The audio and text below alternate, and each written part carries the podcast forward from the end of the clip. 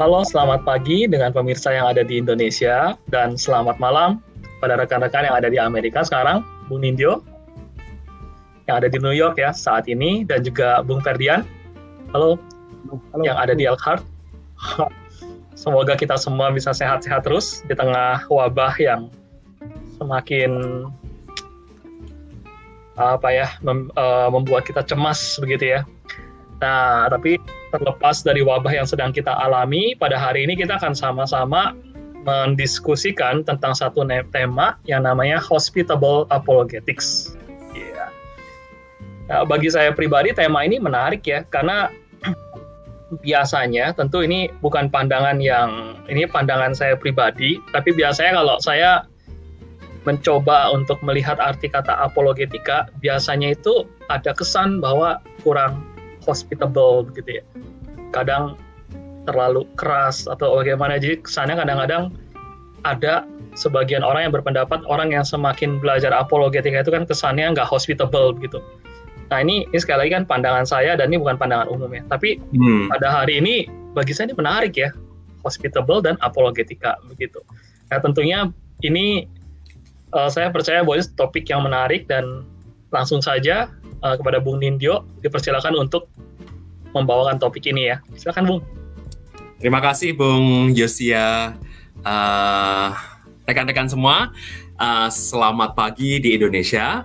Nah, saya memang uh, ini sebuah provokasi nih sebenarnya Bung Yosia dan Bung Perdian ya. Um, dua istilah yang saya renungkan cukup lama sebenarnya bicara mengenai apologetika dan uh, hospitable gitu. Saya agak reserve untuk menerjemahkan menjadi ramah gitu. Apakah apologetika yang ramah itu sesuai? Karena istilah hospitable itu sendiri punya makna yang lebih dalam sebenarnya gitu. Tapi Oke, okay, untuk untuk sementara ini kita pakai istilah ramah itu ya, jadi apologetika yang ramah. Nah, tapi saya mau memulai nih, uh, Bung Yosia dengan Bung Berdian uh, presentasi ini dengan merecall, mengingat uh, apa yang terjadi bertahun-tahun yang lalu begitu. Uh, khususnya sebelum saya itu masuk ke seminari. Nah, saya harus mengakui saya itu suka buku-buku ini jadi saya mencoba membaca buku-buku ini dan memang menarik. Saya membaca buku-buku George McDowell, saya membaca buku-buku Paul Little, khususnya dua uh, orang ini yang memang menarik. Mereka itu kalau menulis itu gampang dicerna, lalu kemudian straight to the point, uh, alurnya jelas, logikanya jelas, dan mereka itu mau apa, itu jelas sekali. Nah, More Than a Carpenter uh, sudah diterjemahkan ke dalam bahasa Indonesia dan diterbitkan oleh BPK Gunung Mulia itu uh, tipis bukunya, kecil begitu, buku saku. Nah, saya juga suka buku yang kedua dari Paul Little, Know Why You Believe. Dan inilah buku yang saya beli dengan uang saku saya sendiri. Itu pada waktu saya SMA. Jadi uh, saya tertarik Paul Little. Nah, kenapa Bung Berdian kemarin itu menyebut Pak Charles ya? Nah, ini juga karena Pak Charles. Karena beliau itu uh, punya buku-bukunya Paul Little dan beliau secara pribadi kenal dengan Paul Little dan Paul Little adalah salah satu tokoh uh, IFES ya Bung ya Intervarsity, Intervarsity, Intervarsity begitu. Dia yang meninggalnya ya. itu karena kecelakaan, gitu. Ya, nah, ya. Uh, Pak Charles itu pernah cerita tentang Paul Little dan dan kemudian ketika saya melihat bukunya ada di perpustakaan, waktu itu saya pinjam dan saya tertarik dan saya nabung dan saya beli buku ini dengan uang saya sendiri, begitu. Paul Little rekan-rekan semua, saya uh, terpesona dengan uh, apologetika gaya evidensialis, gitu kan? George McDowell, Paul Little. Nah, kemudian uh, kelas 2, kelas 3 SMA, saya diperkenalkan oleh pembina saya pada waktu itu dengan pemikiran yang lebih uh, prasuposisionalis. Saya di minta untuk membaca buku-buku dari Francis Schaeffer. Trilogi ini saya habiskan waktu itu. Dan juga di akhir uh, eh, SMA saya, saya membaca The Defense of the Faith dari Cornelius Van Til. Uh, karena menurut pembina saya, uh, The Defense of the Faith itu tidak jelimet walaupun Fantil itu tulisannya jelimet gitu ya yang lain-lain itu lebih jelimet daripada tulisan yang satu ini konon kabarnya The Defense of the Faith itu ditulis untuk orang-orang yang masih muda. Untuk anak-anak SMA begitu. Hmm. nah itu. Jadi jadi wah ada lihat ya trajektori saya sebelum saya masuk ke uh, ke seminari. Saya uh, mengenal evidensialis terpesona dengan itu terus kemudian masuk ke prasuposisionalis. Apologetika memikat hati saya memang waktu itu. Nah, tapi dalam perjalanan waktu kemudian ke di seminari uh, belajar teologi, mendalami saya melihat ini ada sesuatu yang salah. Atau paling tidak ini saya yang saya alami sendiri ya rekan-rekan ya. Saya mencoba mem mempertanyakan kembali, apakah iman Kristen itu hanya sebatas mempertahankan apa yang saya yakini? Gitu ya. Apalagi ketika saya menyelidiki uh, lebih lanjut, lebih dalam Francis Schaeffer dalam kekaguman dan rasa hormat saya pada waktu itu dan juga Cornelius Vantil. Bukan hanya seolah-olah dunia itu terbelah dua, Kristen dengan non-Kristen, ya kan? Semua agama, semua pemikiran itu di luar semua, semuanya musuh. Tetapi seolah-olah malah non-Kristen dengan reform. Ya, saya menyimpulkan seperti itu dari pembacaan dari buku-buku mereka.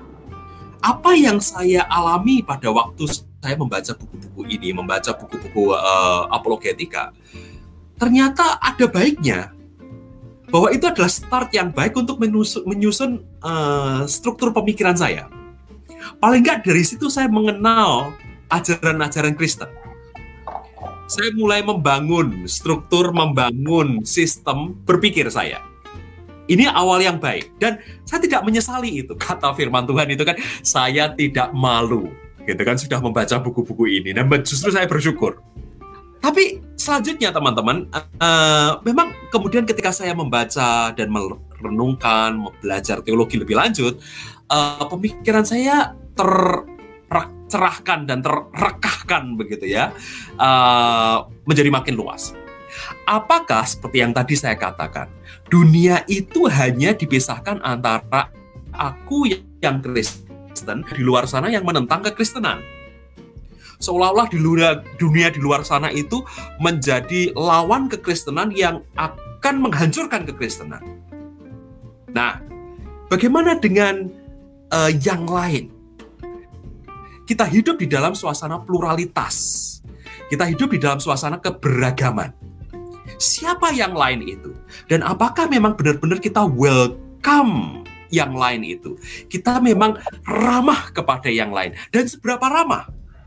Nah, ini yang menjadi tantangan saya untuk kemudian berpikir uh, mengimajinasikan sebuah apologetika yang saya beri nama hospitable apologetics. Nah, apa itu, teman-teman? Ini tiga bagian ya definisi, kemudian saya akan tunjukkan tiga model dan juga tiga karakteristik yang lebih konstruktif. Apa yang saya maksudkan dengan hospitable apologetics. Oke, teman-teman kita akan mulai dengan definisi ya.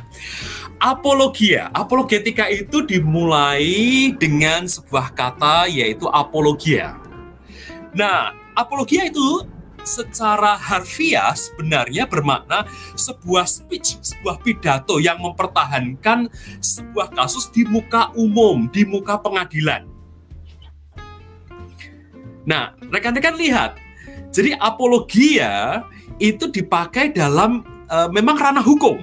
Dalam teologi, uh, saya pakai definisinya Ian McFarland di sini uh, apologetika adalah sebuah cabang teologi yang berusaha untuk menyajikan sebuah uh, uh, akun, sebuah kisah, sebuah tuturan iman Kristen yang persuasif.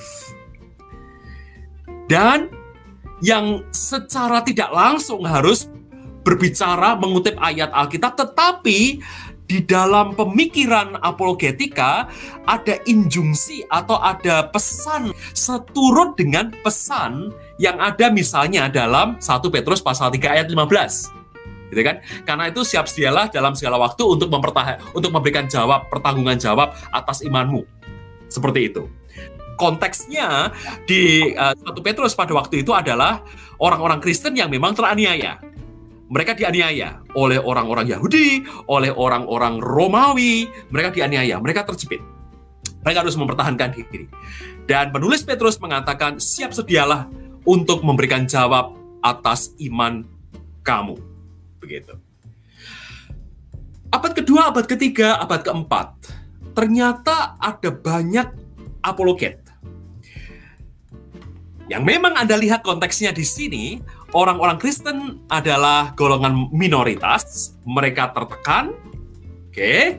mereka harus memberikan pertanggungan jawab kepada dunia yang lebih luas. Anda bisa sebutkan nama-nama seperti Justinus Martir, dan dia tidak disebut martir sebelum dia mati pastinya, ya kan? Justinus Martir, Athenagoras, Tertullianus, Origenes, Agustinus, bapak gereja yang terkenal itu, dan sebagainya, dan seterusnya.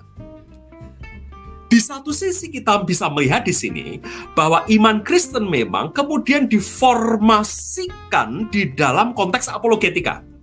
Ini mau tidak mau harus kita akui juga bahwa memang ada tantangan dari dunia luar untuk kita mempertanggungjawabkan orang-orang Kristen mempertanggungjawabkan imannya. Nah, ini tidak bisa kita hindarkan, teman-teman, kenyataan ini. Nah, tetapi kita juga bisa melihat bahwa apologetika yang dilakukan oleh Justinus Martin, Artenagoras, Tertullian, dan sebagainya, dan seterusnya, itu punya dua sisi. Yang pertama, pastoral. Mereka mendidik orang-orang Kristen apa yang mereka percaya, Misalnya Origenes juga itu dia lebih bicara kepada orang-orang Kristen supaya mereka itu paham dan mempersiapkan orang-orang Kristen supaya mereka itu bisa memberikan jawab untuk dunia yang lebih luas.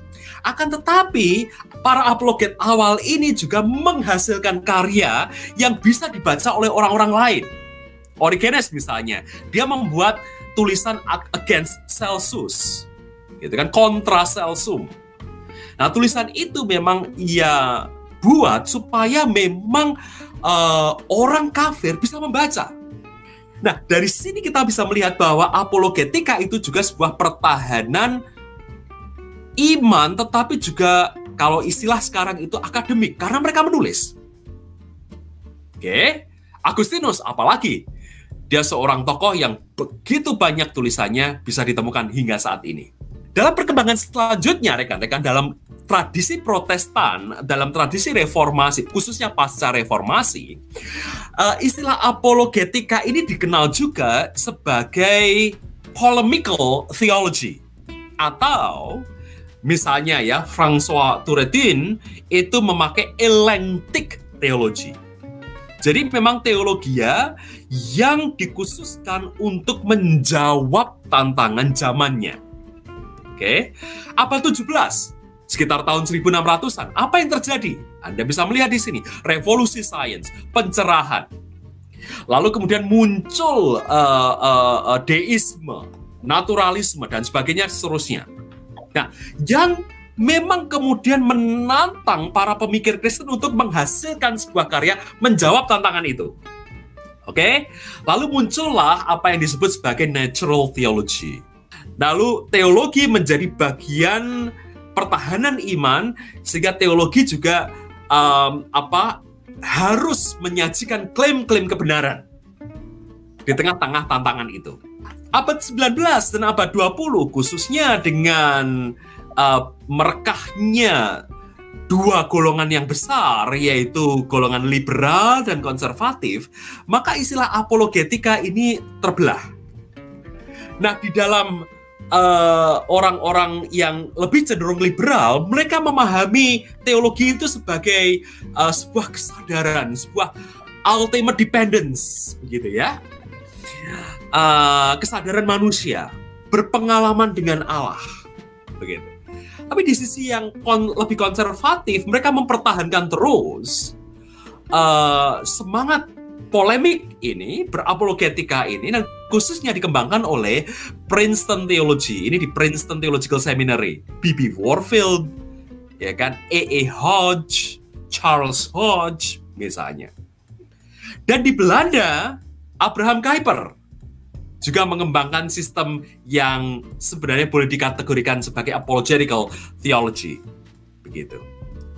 Nah, akan tetapi Anda lihat tokoh teologi yang besar, ya, mungkin terbesar di abad ke-20 dari tradisi Protestan yaitu Karl itu menentang apologetika.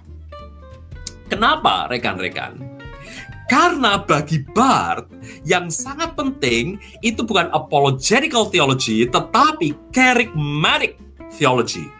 Jadi teologi itu berakarnya harus dari kerigma, dari pemberitaan firman.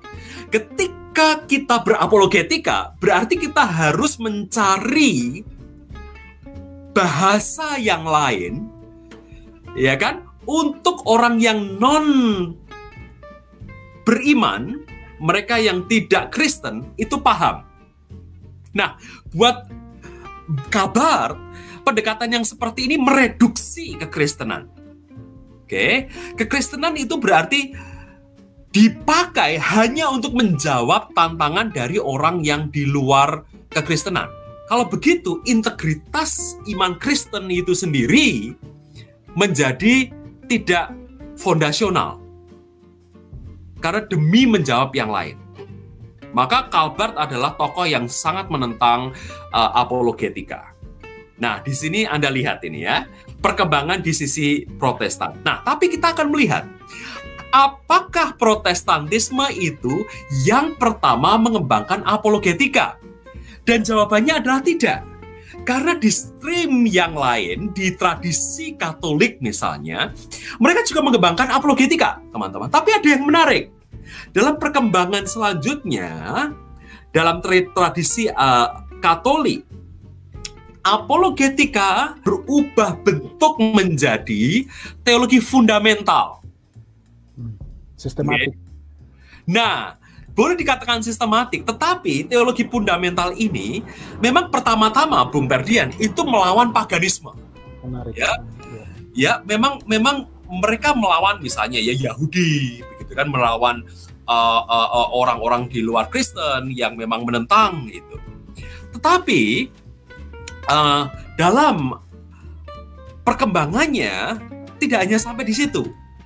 Saya akan mundur sedikit. Nah, fundamental teologi itu mendapatkan klimaksnya itu dalam tulisan Aquinas, dalam pemikiran Aquinas, khususnya uh, ketika Aquinas itu membuat Summa contra Gentiles, gitu ya. Nah itu pemikiran uh, apologetika, fundamental teologi itu mulai tersistematikan, begitu.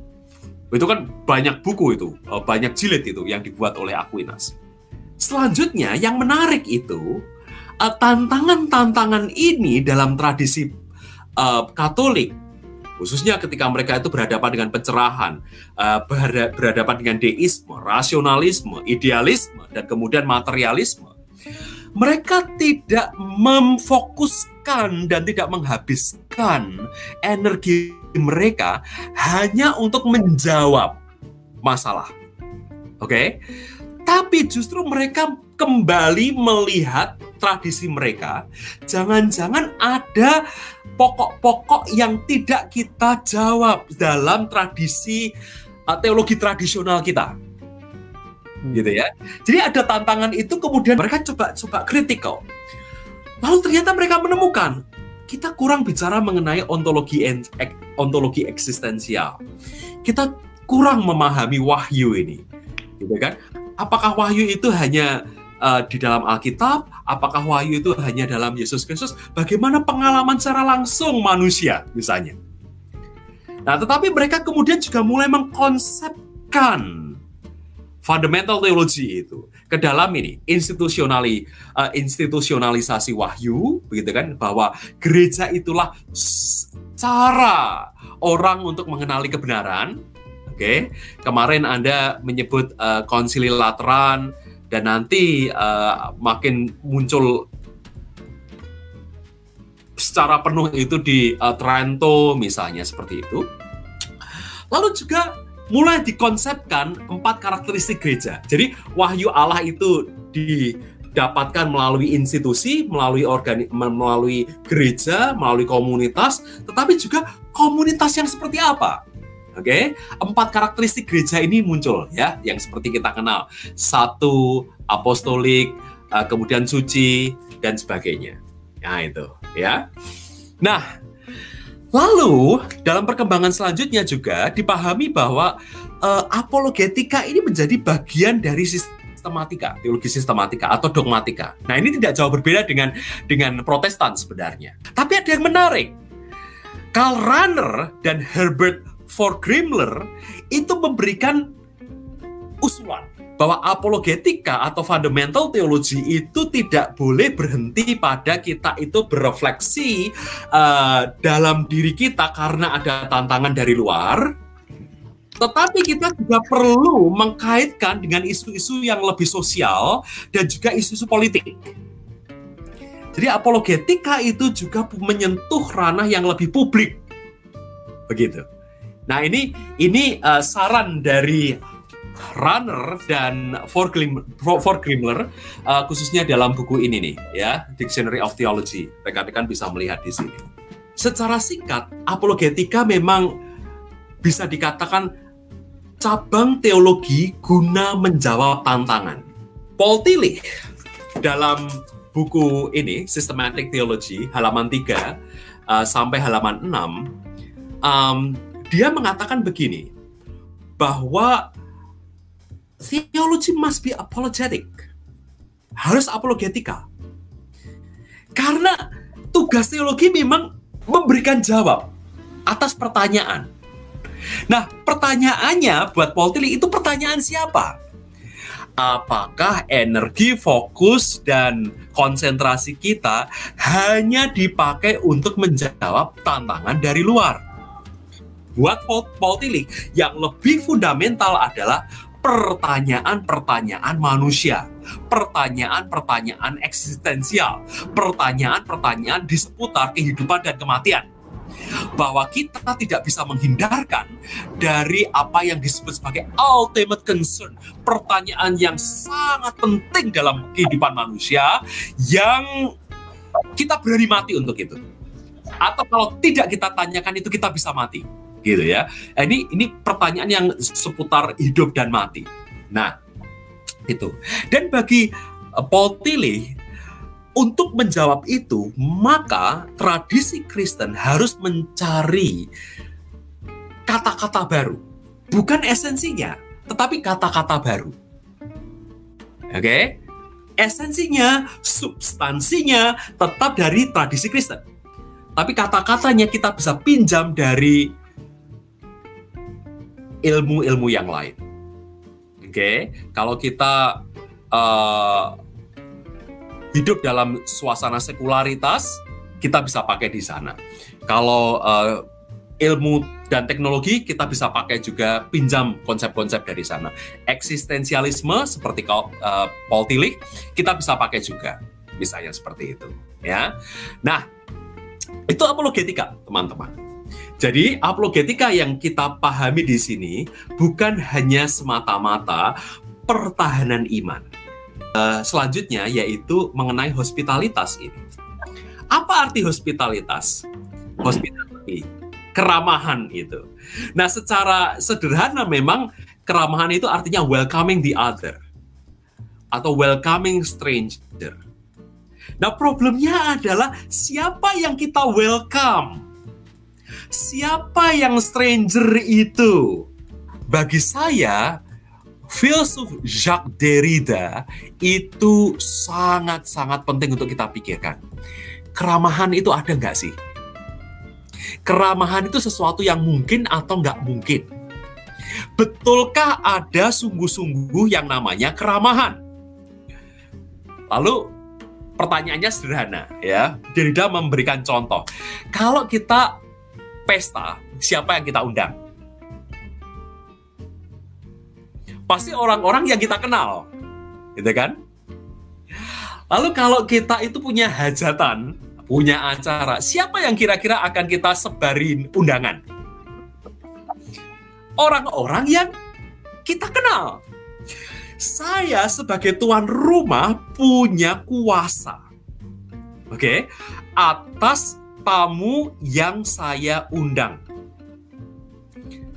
Kalau begitu, apakah ada itu yang namanya welcoming stranger itu? Nah, Derrida itu memprovokasi kita dengan menarik bagi saya. Hakikat institusi, hakikat komunitas yang per definisi komunitas itu adalah kom dan munis, gitu kan? Itu kan artinya sebenarnya membentengi diri. Kita kita itu membangun pagar, oke? Okay? Dan siapa yang ada di dalam, siapa yang ada di luar, yang ada di dalam adalah orang-orang yang like-minded, yang like-minded, begitu kan? Yang sama dengan kita. Misalnya kita bertiga ini, kenapa kita bisa bisa ngobrol-ngobrol di sini? Ya karena kita like minded. Oke lah perbedaan kita ada, gitu kan. Tapi kita ini tetap aja sama. Oh, latar belakang kita juga dari seminar yang sama, gitu kan. Kita tiap hari hampir ngobrol, gitu kan di grup WA dan dan dan telepon-teleponan misalnya. Kita punya punya punya interest yang yang mirip-mirip, gitu. Lalu siapa yang diundang? Siapa yang kita eksklusi sebenarnya? gitu kan? Nah, jangan-jangan, nah ini menarik, justru kuasa yang saya miliki sebagai seorang host, sebagai seorang tuan rumah, itu saya juga melakukan inhospitable in my hospitality. Jadi ada eksklusi di sana, di tengah-tengah saya itu bicara mengenai hospitalitas saya. Nah, jadi pertanyaannya, sebenarnya siapa sih the other itu? Siapa sih sang lian itu? Bener gak? Saya itu benar-benar welcome terhadap hostis saya, tamu saya. Yang menariknya, gitu kan, tamu itu bisa artinya orang yang asing, tetapi juga orang yang bisa melakukan kekerasan terhadap saya. Dia bisa hostile dengan saya. Anda lihat di sini, akar kata dari host dan hostile itu sama. Jadi tamu saya itu seorang yang saya tidak tahu. Dia bisa berbuat baik, tapi dia juga bisa berbuat jahat terhadap saya. Maka pertanyaannya adalah, sebenarnya ada enggak sih hospitalitas itu? Nah, merenungkan firman Tuhan, kita lihat misalnya Injil Matius dan Lukas, bahkan Wahyu 3 ayat 20. Menarik buat saya. Sang tuan datang dan dikatakan dia mengetuk pintu. Tuan yang seharusnya host, dia berada di luar. Siapa yang di dalam? Siapa yang punya kuasa untuk membukakan pintu itu? Ini di Wahyu, teman-teman. Lalu, di Lukas misalnya, ketika kita membaca Lukas 14 ayat 15 dan 24, perintah Tuhan Yesus kalau kamu membuat pesta, jangan undang orang-orang yang the have. Lu cari lu orang-orang yang ada di pinggir jalan, orang-orang yang kere, orang-orang yang miskin, undang mereka. Apakah itu sebuah perintah yang mungkin? Apakah itu sebuah perintah yang possible? Apakah itu sebuah perintah yang bisa dilakukan? Tuhan sendiri, saya balik ke Wahyu 3 tadi, Tuhan sendiri ternyata menampilkan dirinya sebagai dia yang asing, dia yang berada di luar pintu, di luar rumah. Lalu, mungkinkah sebuah hospitable apologetics. Nah, rekan-rekan, lalu apa yang kemudian saya sebut sebagai hospitable apologetics itu? Sebuah hospitable apologetic itu harus dimulai. Harus dimulai dengan pertama, kita melihat konteks kita di sini adalah sebuah suasana pluralitas. Betul, Bung Perdian, Yosia dengan saya kita like-minded, tetapi kita tidak pernah sama. Saya harus melihat Bung Yosia, Bung Perdian sebagai orang-orang yang sama sekali berbeda juga. Orang yang misterius, yang tidak pernah saya bisa kuasai, dan pasti ada sisi-sisi misterius yang saya tidak pernah ketahui dari mereka. Bisakah kalau begitu? Yosia, Perdian, berkata, mengucapkan, menuturkan sesuatu tentang saya dalam kejarakan mereka, dalam perbedaan mereka dengan saya. Saya welcome mereka untuk ngomong, "Hei, tolong kasih tahu aku itu siapa." Dan beranikah ketika kita bicara mengenai iman, kita juga welcome others. Ketika saya mempersiapkan hal ini, memang ini sudah cukup lama saya pikirkan. Tetapi saya ingin memberikan tiga model yang sebenarnya dekat dengan hati saya. Rekan-rekan, apakah hospitable apologetics itu mungkin? Mungkin tidak mungkin. Tetapi ada langkah-langkah yang buat saya itu mencerahkan dan tetap bisa dimulai. Sebuah langkah kecil untuk memulainya. Ada tiga model yang saya renungkan dan puji Tuhan justru sesi di teologi sebelum ini yang dipimpin oleh Bung Perdian itu menjadi model yang bagi saya pertama menarik yaitu model immersion. Bung Perdian bukan Anabaptis, bukan Mennonite. Tapi beliau immerse di dalam sebuah komunitas akademik Mennonite. Beliau tetap mempertahankan diri sebagai seorang reform, tetapi dari immersion itu beliau menceritakan pengalaman intelektual akademiknya dan memberitahu saya sebagai orang yang Anabaptis Mennonite. Tanpa saya harus kemudian merasa tersaingi atau merasa bahwa pandangan dia itu salah ketika ngomong dengan saya sebagai seorang yang ada di dalam. Kalau saya mengulik uh, satu tulisan lagi yaitu dari Pak Sumanto Kurtubi, Bung pasti tahu ya kan, yang menulis dan menerbitkan buku pengalamannya ketika berada di komunitas Mennonite. Dan beliau seorang, beliau seorang Islam. Bukunya berjudul Among the Believers. Terima kasih. Nah, itu sebuah sebuah model immersion. Tanpa harus kemudian menjadi yang sama.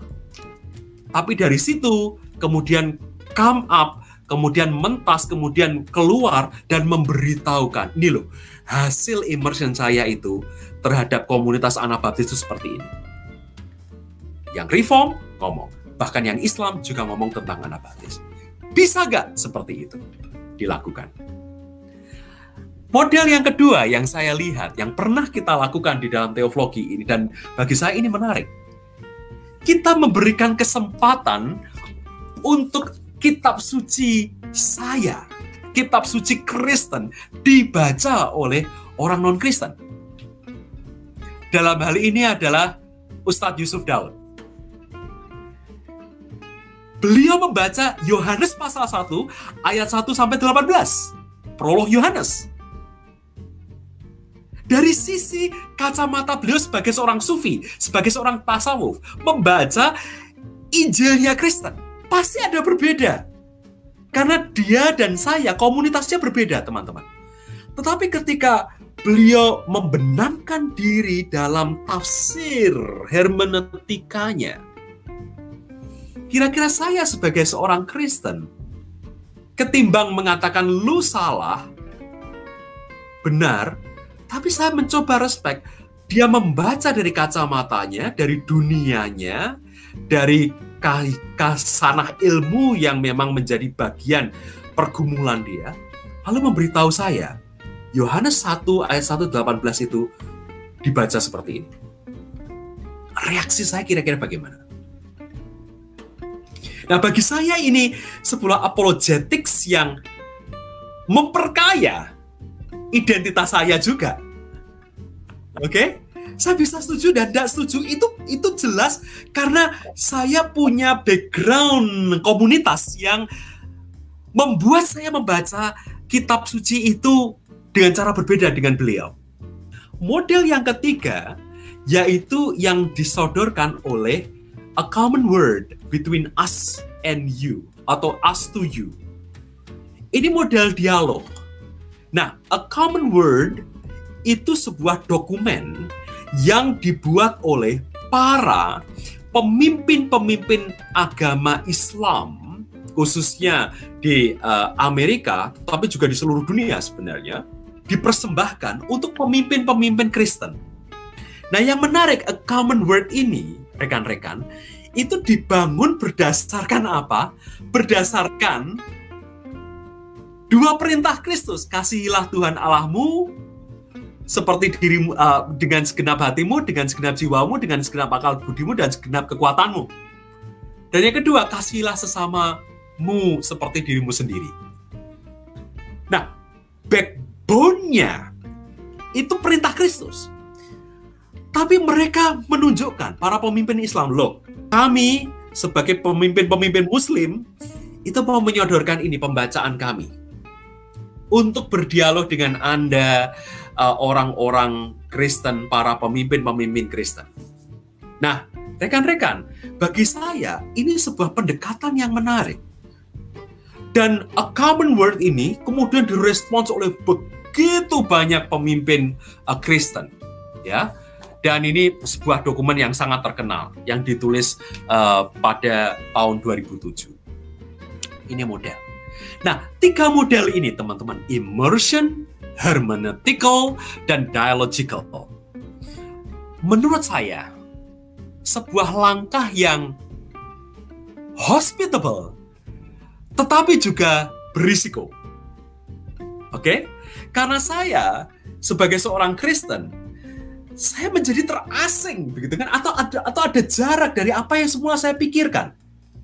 Kalau model apologetika klasik, saya punya wahyu dan wahyu itu sudah lengkap di dalam Alkitab dan di dalam Yesus Kristus. Saya harus pertahankan berdasarkan uh, tantangan-tantangan uh, yang terjadi.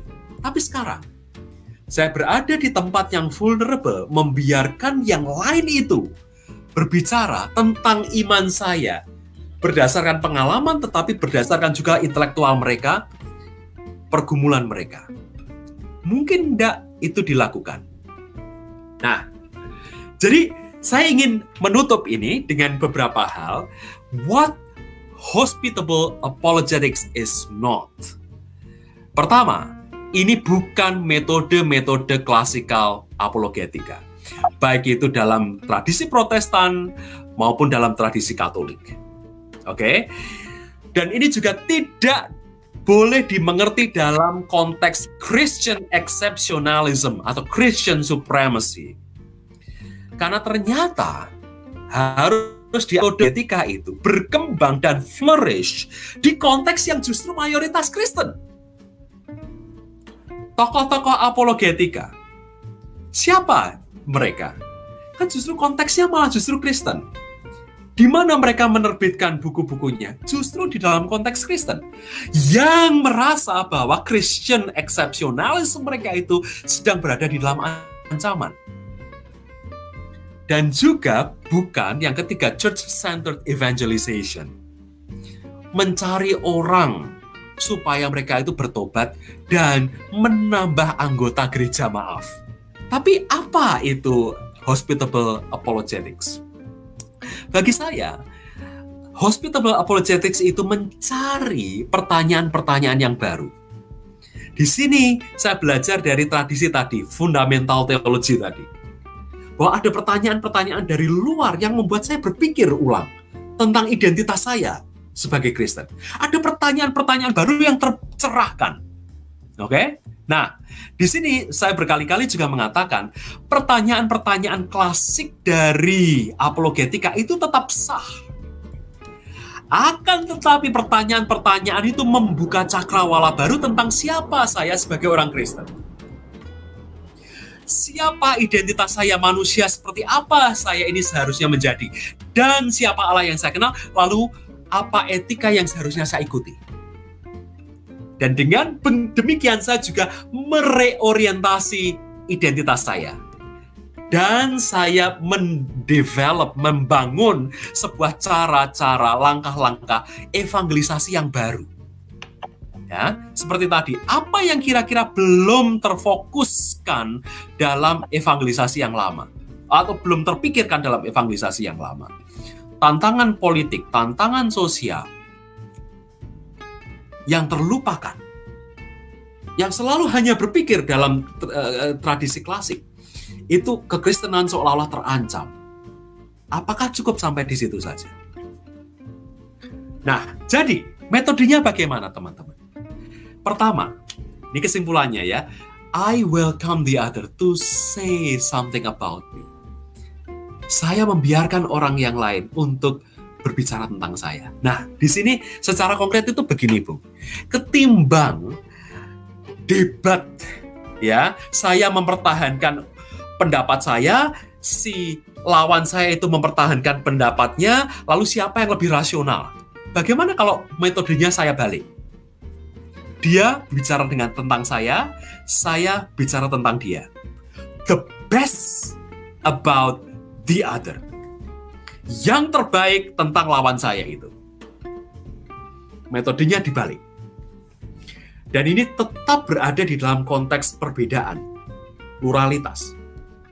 Lalu yang kedua, saya melakukan deep listening. Saya memang mendengar sungguh-sungguh Lalu ada deeper appreciations terhadap apa yang dia katakan, tetapi juga kemudian saya melihat apresiasi yang lebih mendalam tentang iman saya. Mungkinkah itu terjadi? Jangan-jangan itu impossible. Tetapi ini langkah yang kecil yang saya rasa yang bisa dilakukan. Karena apa? Kembali lagi saya melihat injungsi atau perintah Tuhan Yesus Siapa yang harus kita undang di dalam kerajaan Allah atau ketika kita berpesta? Terima kasih, Bu. Mungkin sebelum itu, Kak Ferdian ada tanggapan atau misalnya banyak, mau banyak, banyak, banyak ini banyak, banyak, banyak. Ngeri, ngeri, ngeri. saya senang, saya senang karena menurut saya ini ini mungkin uh, anu bung uh, apa semacam sesuatu yang sudah juga embedded dalam diri saya. Cuma saya tidak bisa mengkristalisasikannya gitu. Dan anda Anda luar biasa membuat dengan bahasa yang sederhana membuat uh, saya yakin pemirsa banyak diberkati ya. Nah, saya malah melihat saya mungkin pertama berkomentar, Bu. Saya tertarik yeah. dengan beberapa paparan Anda. Uh, boleh nggak saya katakan berarti uh, kalau begitu memang betul uh, apologetik itu lahir dari konteks ya, tidak bisa dilepaskan konteks.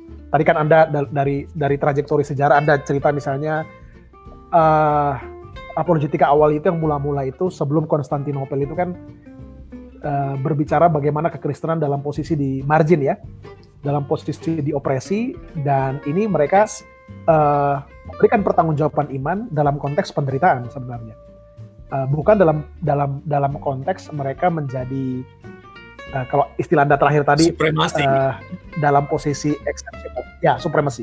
Dalam posisi exceptional. Nah kemudian yang kedua uh, menarik uh, berikutnya setelah Konstantinopel. Itu kan uh, apa ya bandul itu berbalik ya. Uh, bandul berbalik uh, kekristenan ada dalam posisi exceptional uh, atau dalam istilah yang uh, kalau saya pakai kemarin dari istilahnya uh, Snyder itu uh, yang juga terkenal dalam istilah Katolik uh, Corpus Christianum. Uh, dan dan dan dan di, dan di situ saya melihat bung uh, apologetik tetap ada tetapi nadanya berbeda begitu Uh, uh, uh, Karena sekarang kekristenan dalam posisi yang dalam kekuasaan begitu. Nah dan menurut saya Bung yang ketiga itu tadi Anda juga tadi sudah sampaikan dengan sangat baik. Tatkala muncul tantangan dari abad pencerahan. Hmm. Uh, tatkala muncul tantangan dari uh, enlightenment ya, uh, modernisme misalnya. Nah saya kebetulan Bung, uh, nah, saya kalau saya sudah cerita ke Bung Indio ya bahwa saya sedang saya sedang menikmati buku ini ya. Ya. Yeah, uh, yeah. Uh, Johann Baptist Metz ya, Theology of the World ya. Nah, saya tertarik dengan buku ini kenapa? Karena uh, Matt sebagai seorang teolog Katolik itu berusaha untuk uh, memetakan, sebenarnya seperti yang anda sampaikan, bu, khususnya mulai dari abad pencerahan. Dan yang menarik, dia katakan uh, seperti yang anda katakan juga tadi, bung, uh, tantangan kekristenan di di abad uh, pencerahan itu sebenarnya adalah terjadinya shifting yang sangat drastis, yang sangat radikal dari korpus Christianum dari kondisi masyarakat di mana kekristenan itu seperti atmosfer yang dihirup oleh semua orang tanpa perlu hmm. dipertanyakan. Betul ya?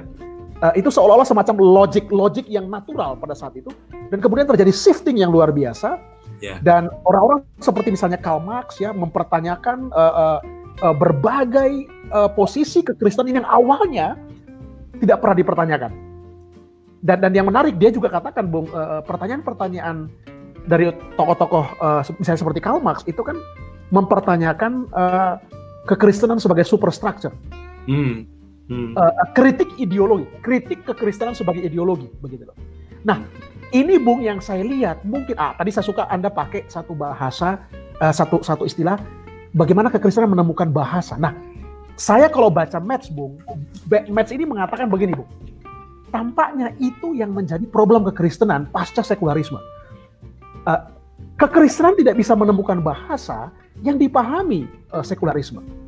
Jadi kekristenan selalu memakai bahasa tatkala dia ada pada zaman Corpus Christianum. Uh, tatkala dia ada posisi dalam posisi exceptionalism gitu loh. Dia selalu se seolah-olah apa ya uh, berimajinasi. Nah, saya saya tidak mau pakai istilah uh, Bung Yos ya, kadang-kadang kan apa bermasturbasi begitu. Nah, nah. itu saya pakai itu. apa, seperti apa ya? Seperti ya tapi kan dalam masturbasi ada ada imajinasi kan.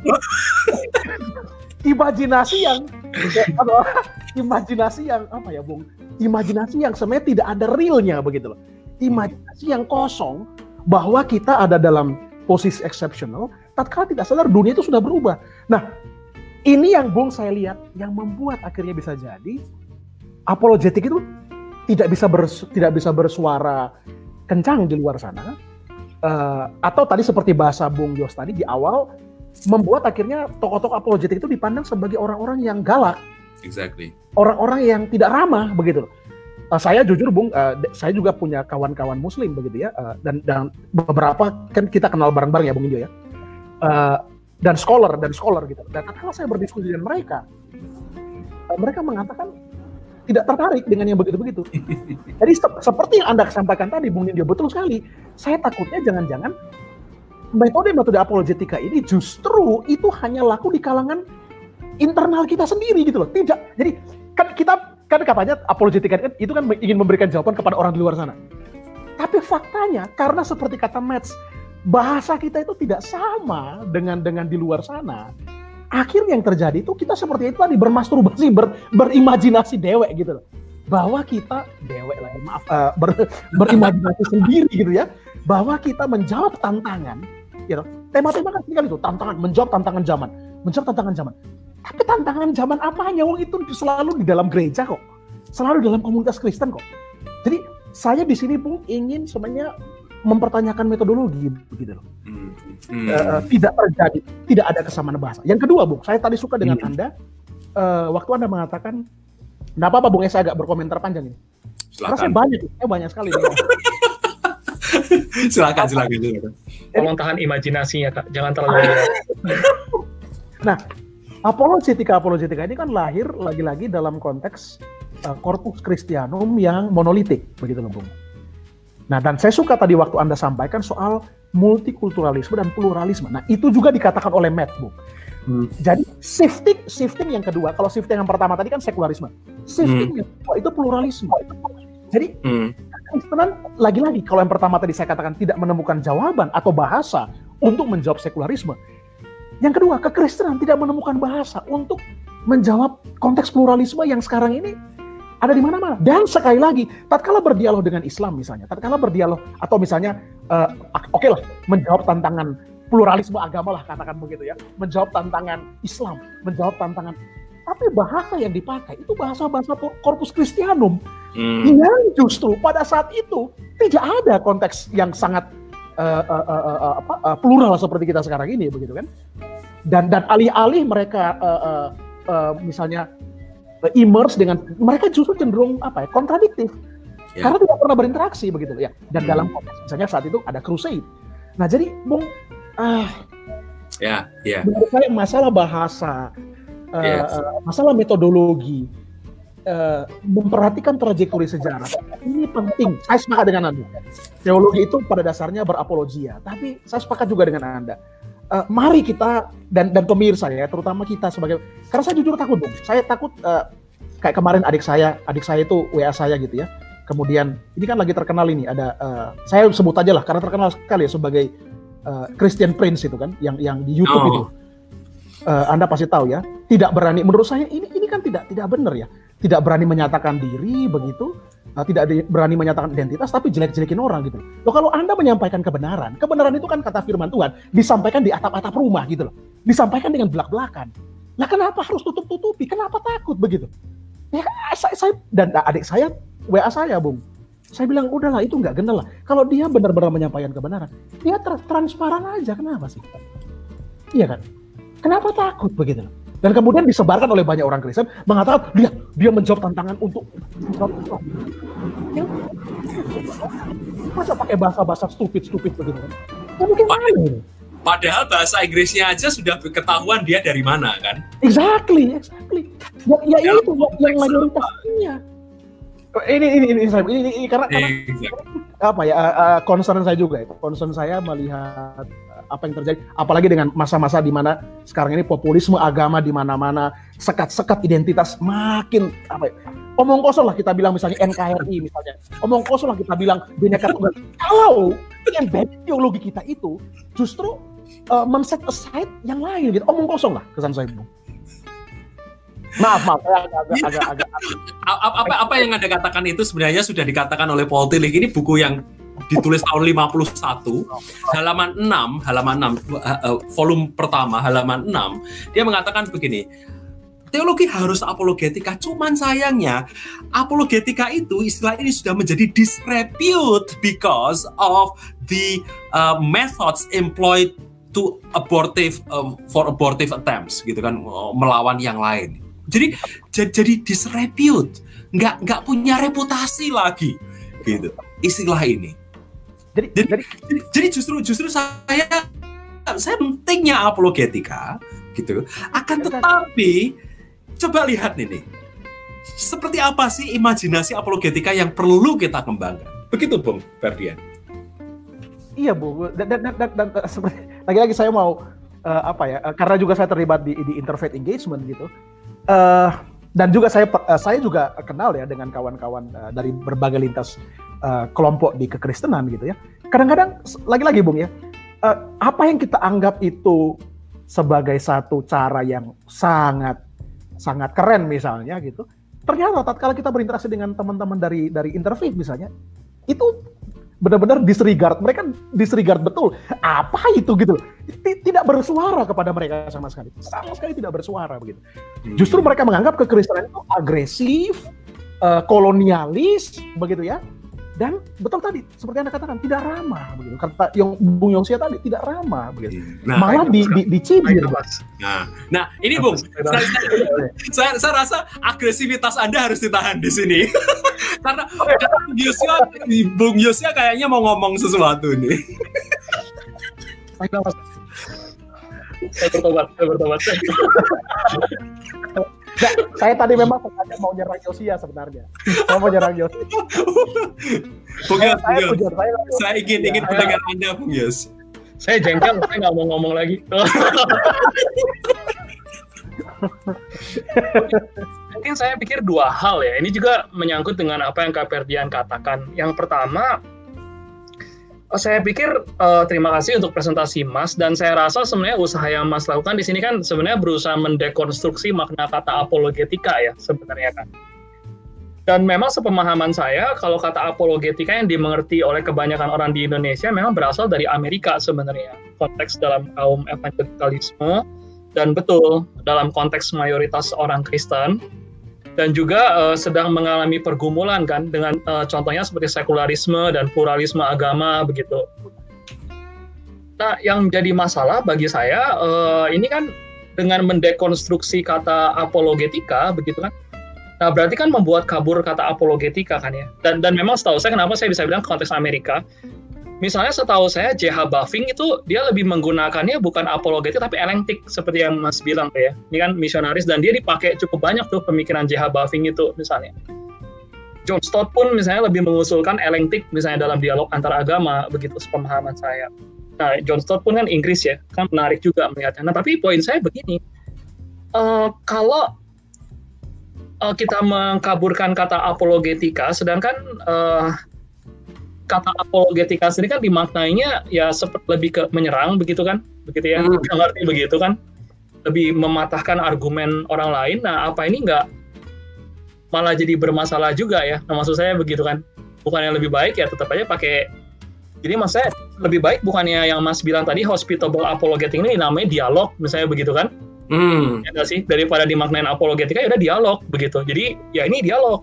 Apologetika ya apologetika begitu. Ini kan sekali lagi masalah term ya begitu. Nah ya. ini, ini pertanyaan saya apa nggak sebaiknya pakai kata itu aja nah gitu. Ini ini ajak diskusi. Yang kedua saya tertarik dengan ini ya uh, masalah menjadi vulnerable begitu. Nah, saya berpikir begini, uh, ini ini ini dalam bayangan saya, ketika seseorang menjadi vulnerable, minimal kan dia udah tahu sesuatu dulu, ya enggak sih? Asumsinya dia udah tahu, makanya ketika orang lain menanyakan sesuatu atau menyerang uh, keyakinan dia, dia udah tahu, oh ya saya udah tahu, saya grounded di sini. Yes. Dan ya itu oke okay, gitu kan orang lain menyerang saya, ya nggak apa-apa kan begitu kan. Nah tapi kan masalahnya begini, kalau kita mau lihat demografi orang Kristen kan nggak semua orang grounded. Ada yang masih bertanya-tanya juga kan, gitu ya Berarti mungkin nggak sebenarnya kalau saya mau pushback balik begitu uh, istilah vulnerable itu kan sebenarnya satu sisi ada spesialnya juga ya orang-orang yang memang sudah terdidik mungkin begitu, hmm. ya mengerti betul dengan uh, dasar kekristenan. Nah tapi kan nggak semua orang begitu. Nah makanya dalam dalam arti uh, volunteer voluntary vulnerability. Nah, nah, saya iya. mana sedikit lagi. Nah, sebelum itu pertanyaan. Jadi maksud saya gini, Nah, selain selain masalah yang tadi challenge balik dan yang kedua, saya pikir pertanyaannya, jadi mungkin nggak sebenarnya justru uh, belajar yang seperti yang Mas bilang gitu ya. Jadi apologetika yang awal itu, misalnya yang mendasarkan tuh fondasi itu justru penting begitu sebelum masuk ke tahapan yang ini. Nah ini kan saya lagi bicara tentang ordo salutis ya ngebales kaper. Kan gitu kemarin dia bilang nggak suka ordo salutis jadi saya ngomong tuh ordo kan gitu ya. Nah saya ngomong dari sisi sisi anabaptis ada gitu ya. Gitu sih.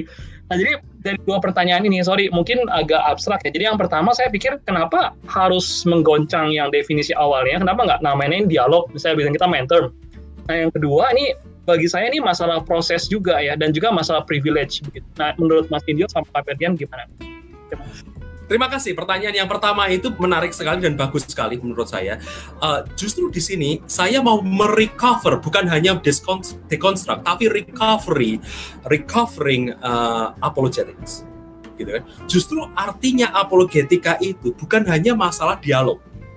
Baik apologetika dan dialog itu dua kata yang sebenarnya sudah loaded sudah kata hmm. yang yang yang terlalu banyak dipakai sehingga artinya jadi kita bingung ini yang yang seperti apa. Yes, akhirnya ada istilah yang tadi seperti ada katakan tadi orang kalau sudah ngomong apologetika itu berarti mempertahankan imanku. Kalau dialog pasti liberal gitu kan. Nah, kalau dialog itu berarti nanti liberal. sudah kompromi satu dengan yang lain. Eh, sudah karu-karuan.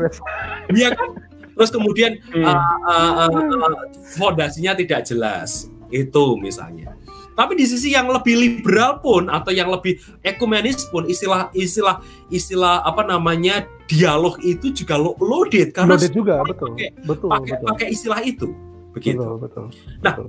justru bagi saya adalah ini tetap berada di dalam kondisi uh, apologetika. Dalam arti bahwa apologetika itu dalam dalam posisi yang seperti tadi. Makanya saya pakai Origen misalnya kan. Ini bukan hanya memang ditujukan untuk menjawab orang luar. Tetapi juga ada ada dua sisi. Dia menulis untuk apa? Untuk komunitasnya. Dan di situ ada pertanyaan yang baru yang disajikan untuk para orang-orang Kristen begitu loh ya kan Nah, nah jadi jadi posisinya seperti itu. Nah, sekarang dalam konteks multikultural dan pluralitas yang seperti ini, kenapa kita hanya bicara dari sisi kita atau sisi saya sebagai orang yang konon katanya punya kebenaran, terus kemudian menjawab atau kemudian membentengi dari sisi yang lain. Kenapa kita tidak berani seperti yang tadi Cak Per sudah tangkap? Kita belak-belakan aja, terbuka aja. Oke, kita duduk yuk kita kita ngobrol tapi tolong kasih tahu saya uh, identitas saya itu seperti apa nggak gitu misalnya ya ini ini ini secara sederhananya begitu dan dari situ malah justru saya bisa membangun kembali reorientasi yang saya katakan mengenai identitas saya. Jadi posisinya yang dibalik. Jadi bagi saya ini bukan hanya masalah dialog. Sekali lagi juga loadednya dialog juga itu nanti cuma ngomong masalah uh, etika. Kita bisa lakukan apa sih sama-sama? Padahal ini nggak hanya sampai sampai di situ. Ini bicara mengenai ontologis. Ini bicara mengenai identitas. Ini bicara mengenai core yang terdalam dari diri saya sebagai orang percaya begitu. Nah, tapi sekarang memang shaking uh, dan shaky gitu kan, karena orang lain yang ngomong tentang saya, gitu kan, bukan pendeta saya, bukan pemimpin saya.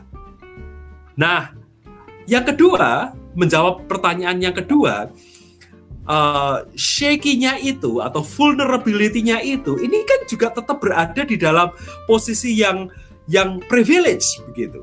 Karena hanya hmm. orang yang berani seperti itulah yang uh, sudah tahu latar belakangnya, yang sudah punya grounded uh, grounding yang kuat, yang sudah punya fondasi yang kuat.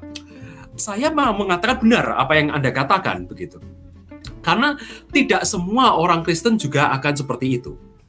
Misalnya, kalau mereka memang di, di suasana yang uh, uh, uh, terhimpit, terjepit, misalnya ya kan, ada nggak posisi bisa duduk bersama dan kemudian berkata, eh kamu tolong dong ngomong tentang saya, gitu. Jikalau memang tidak dimungkinkan untuk duduk bersama, ya kan, posisi power uh, itu tidak sama. Yang satu powerful, yang satu powerless, dan yang powerful itu oppress yang powerless. Tentu tidak, tidak bisa, begitu kan? Dan kalau memang memang konteksnya itu uh, konteks yang yang yang tidak ideal seperti waktu perang misalnya, ya tidak ada memang uh, nyaris katakanlah tidak ada tidak ada uh, yang seperti ini. Tapi di sisi yang lain juga Anda mengatakan dan bagi saya setuju juga bahwa di sini membangun dari awal itu penting memang. Jadi saya mengakui dari awal tadi saya katakan bahwa membaca buku-buku yang seperti itu itu bagian dari trajektori saya ternyata. Ketika saya melihat dari sisi sekarang ini kembali ke sana, gitu kan? Saya bisa melihat dan saya mengevaluasi diri Nah, bagi saya uh, ini yang sama seperti yang dikatakan oleh Richard Rohr.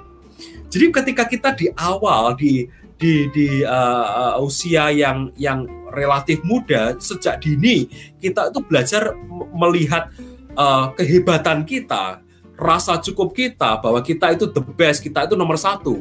Sudah sejak dini kita ditanamkan seperti itu. Itu jauh lebih baik daripada di kemudian hari baru kita temukan yang seperti itu misalnya usia 40 tahun misalnya, baru menemukan seperti itu dengan experience, dengan pengalaman conversion, dengan pengalaman pertobatan, baru menemukan itu. Kemungkinan trajektorinya akan lebih lambat. Bisa dipahami ini. Hmm. Nggak bisa, gitu ya. Nah, jadi jadi jadi bagi saya sendiri melihat kilas balik apa yang saya lakukan, saya tidak tidak tidak merasa itu bagian yang yang yang memalukan dalam hidup saya. Itu sangat baik, begitu kan? Nah itu Bung uh, Yosia yang saya, hmm. Bung Perdian. Ya. Iya, saya saya setuju dengan Bung NS ya. Saya juga uh, kalau saya lihat ke belakang ya, saya juga tadi Bung Nindyo nggak tahu apakah uh, mencantumkan tadi sebenarnya satu buku dari Josh McDowell yang lebih terkenal ya, Evidence That Demon of Verdict. Yes, yes, itu, yes. Itu saya yes. saya baca habis itu dan itu saya pakai bahkan dalam pelayanan gitu. Jadi harus kemudian bukunya John Stott Why I Am a Christian misalnya. Uh, saya senang dan bahkan termasuk bukunya uh, Norman Geisler ya tentang teodisi itu ya uh, tentang problem of evil. Uh, dan dan dan kalau saya berefleksi Bung Nindyo, nah ini yang mungkin uh, kesan saya harus harus menjadi apresiasi saya juga ya. Ini kan sebenarnya satu upaya untuk uh, bagaimana kekristenan itu menjadi relevan dan dan kalau kalau misalnya saya nggak tahu ya tadi kayaknya anda belum pakai kata ini bung saya nggak ini kalau istilah saya sih bung uh, apologetika itu satu usaha juga bukan cuma sekedar menjawab tapi making Christianity relevant gitu loh di tengah-tengah uh, konteks yang terus berubah gitu. dan buat saya itu tugas setiap kita kan, termasuk kita sebagai teolog begitu.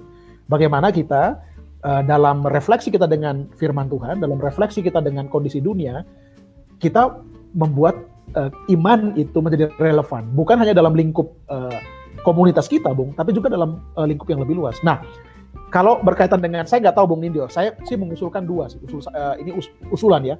Hmm, hmm. Uh, saya sepakat dengan Anda dan saya saya suka dengan istilah hospitable apologetics. Cuma saya sanksi Bung kalau yang pertama ini tidak ada upaya decentering the church.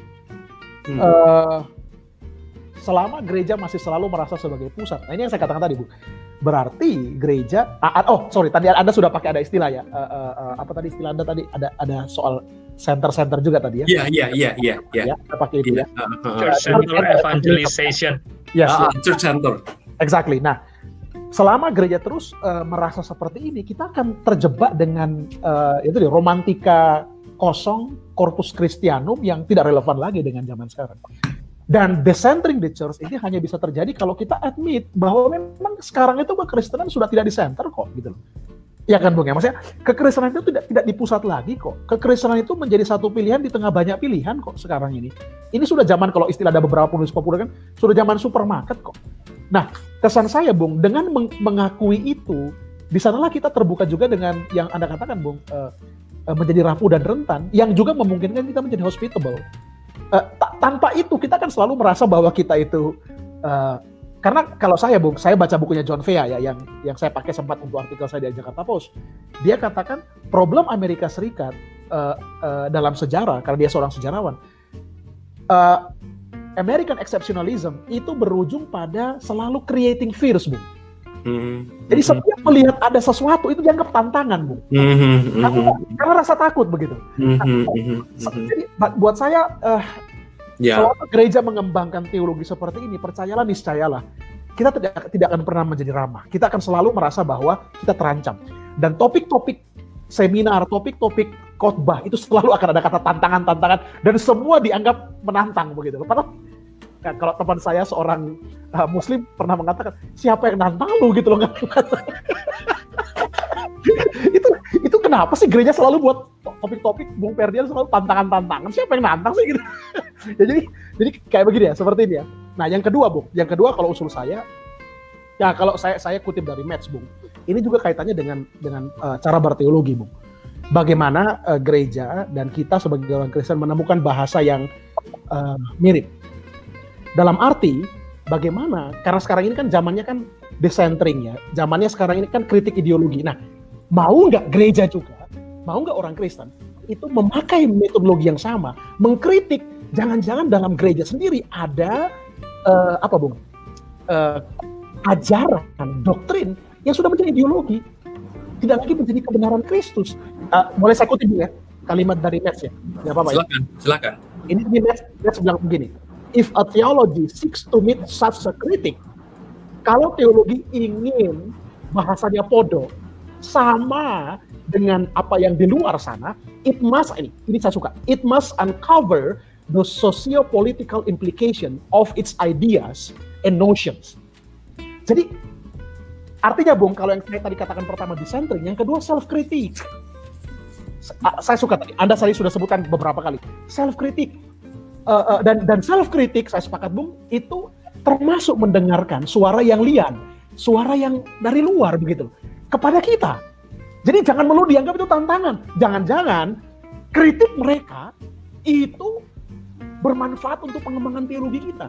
Saya, ah ini kalau cerita sedikit Bung ya, uh, saya suka dengan uh, satu profesor di Villanova kemarin yang sempat saya kontak, uh, Stephanie Knaus, yang nulis buku tentang media dan seks, Bu. Nah, kita kan kalau orang Kristen, terutama kaum kaum Injil ya, kalau dengar kata seks itu kan, wah, itu udah kebakaran setengah mati ya. Wah, apalagi kalau dengar kata-kata yang anu ya uh, wah ini dosa apa nah yang menarik uh, apalagi kan misalnya sosial media bu uh, mm-hmm. ya kan uh, seminar-seminar selalu kan tantangan gadget gitu ya tantangan apa, apa nah yang menarik Stephanie Knaus itu bung dia pakai pendekatan apa namanya uh, uh, satu satu istilah Katolik bung Gaudium et Spes ya uh, bagaimana membaca tanda-tanda zaman. Nah, dia pakai itu menjadi anchor, center dari cara dia berteologi. Dan dia mengatakan, jangan-jangan Tuhan ingin berbicara kepada kita lewat fenomena ini, misalnya pornografi. Apa yang yang Tuhan ingin katakan kepada kita untuk melayani orang-orang yang terjebak dengan ini, bukan Hmm. menghakimi mereka. Wah, saya saya baca itu, wah saya saya tercerahkan sekali, saya tercerahkan sekali. Jadi alih-alih alih-alih terus apa ya berbicara dari sisi center, bagaimana melihat mereka itu juga memberi masukan kepada teologi kita, Bu. Ya itu itu kalau usul saya sih, Bu. Saya tidak tidak ada tidak ada komentar yang panjang kecuali mengaminkan apa yang anda katakan dan uh, memang benar Matt uh, mengatakan seperti itu dan yang menarik justru gurunya Karl Oh. Rahner eh, di dalam dalam uh, dictionary ini itu menulis bahwa kita ketika bicara mengenai fundamental teologi itu juga harus mengkonekkan iman kita kepada ke- ke- situasi sosial dan situasi politik. Dan itu sebenarnya kritik Metz terhadap Karl Rahner. Betul, betul. dan dan di buku ini ternyata Karl Rahner sudah mengatakan itu. Walaupun di tulisan-tulisannya dia jarang ngomong mengenai salah politik. Betul, tapi di sini dia mengatakan itu dengan jelas sekali betul, betul, betul, betul, betul, betul. nah itu aja Betul, betul, betul. Kalau tambahan saya mungkin dalam konteks Indonesia mungkin perlu dikontekstualisasikan lagi kan. Karena tadi decentering church itu kan dalam konteks Amerika juga ya. Begitu di Indonesia kan kita lihat demografinya berbeda ya di setiap wilayah ya. Ada yang memang ada tempat yang memang secara apa ya kekuasaannya itu minoritas mayoritasnya memang mungkin memungkinkan tapi kan ada yang tidak juga sih. Ya, tapi yang Jadi- menarik justru Bung, uh, Uh, yang saya amati adalah justru classical uh, apologetics itu malah justru maraknya di gereja-gereja middle class dan atas. Yes. Dan dan dalam konteks Indonesia yang justru kekristenan itu minoritas. Nah, makanya saya pikir ini yang jadi sisi yang menarik juga. Dalam arti memang kita paham ide awalnya dari tempat yang mayoritas, tapi ini dibawanya ke Indonesia yang jadi minoritas kan. Walaupun minoritas mayoritas juga kalau kita mulai segmentasi lagi berdasarkan wilayah, ini kan jadi cukup menarik juga. Misalnya di Hmm. wilayah mana, misalnya Hmm. begitu kan. Nah ini kan lokalis lokalitas yang di sini jadi penting juga. Tapi betul, Kak, saya sepakat sih, betul. Karena saya saya saya nggak tahu Bung, tapi contoh lah misalnya daerah dari Indonesia Timur, karena saya dari Indonesia Timur ya. Daerah dari Indonesia Timur itu kultur gerejanya justru kultur ekumenikal, kultur yang yang ramah dengan budaya. Nah, contoh lah misalnya di, di gereja saya dulu ya, di gereja Toraja gitu. Itu selalu itu ada percakapan misalnya antara Injil dengan budaya. Hmm, hmm, Dan, dan, dan sifatnya tidak apologetis, Bu. Tidak apologetis. hmm, hmm, Jadi sifatnya bagaimana misalnya dengan Rambu Solo ya. Nah, ini kalau ada hmm. urapan ini dia pakarnya gitu ya karena itu tesis dia kan. Jadi bagaimana misalnya Injil berkaitan dengan Rabu Solo atau tradisi yang sebenarnya iya. itu, itu dari bukan kekristenan. Nah, tapi justru anehnya di di, di Jawa yang yang yang minoritas justru lebih apologetis. Eh, ini kan Oh. unik ya Bung ya? Betul ya? Atau mungkin juga Iya. ya itu kalau perbincangan berikutnya harus dilihat dari arusnya ya dari mana kan kekristenan sih. Tapi Mas Indio, setelah Mas Indio komentar mungkin saya akan tutup ya Mas Indio. Silakan Mas. saya rasa saya rasa ya saya cukup aja di sini uh, dan silakan ditutup aja bung Itu menarik terima kasih untuk untuk Iya. diskusi yang Wah ini saya rasa selesai? Dari perbincangan kita saya rasa nih kalau dilanjutkan lagi bisa bablas ini ya. Berarti ini tandanya nih diskusi yang hangat dan menarik kan begitu ya. Dan saya pikir juga mungkin pemirsa di Indonesia atau pemirsa di mana pun juga dapat melihat, dapat mungkin dapat terberkati juga dari diskusi kita nih ya. Dan sesuai slogan teologi kan, melonggarkan yang ketat ya, sampai kedodoran kali ya. Dan semoga juga satu sisi dari diskusi kita juga bisa mengetatkan pemikiran kita yang mungkin mulai longgar ya. Begitu. Ah, Dan harapannya juga kita selalu ditantang untuk berpikir terus ya di luar dari pola pikir dan kenyamanan kita ya dalam berteologi begitu. Siapa pun kita, kondisinya apa pun kita begitu, kita selalu bisa ditantang begitu. Oke, terima kasih semua. Eh, kami semua mau bilang dadah ya. Oke, tetap eh, jaga kesehatan dan Tuhan Yesus berkati kita semua. Oke, dadah. Cuci tangan cuci tangan Jangan lupa cuci tangan.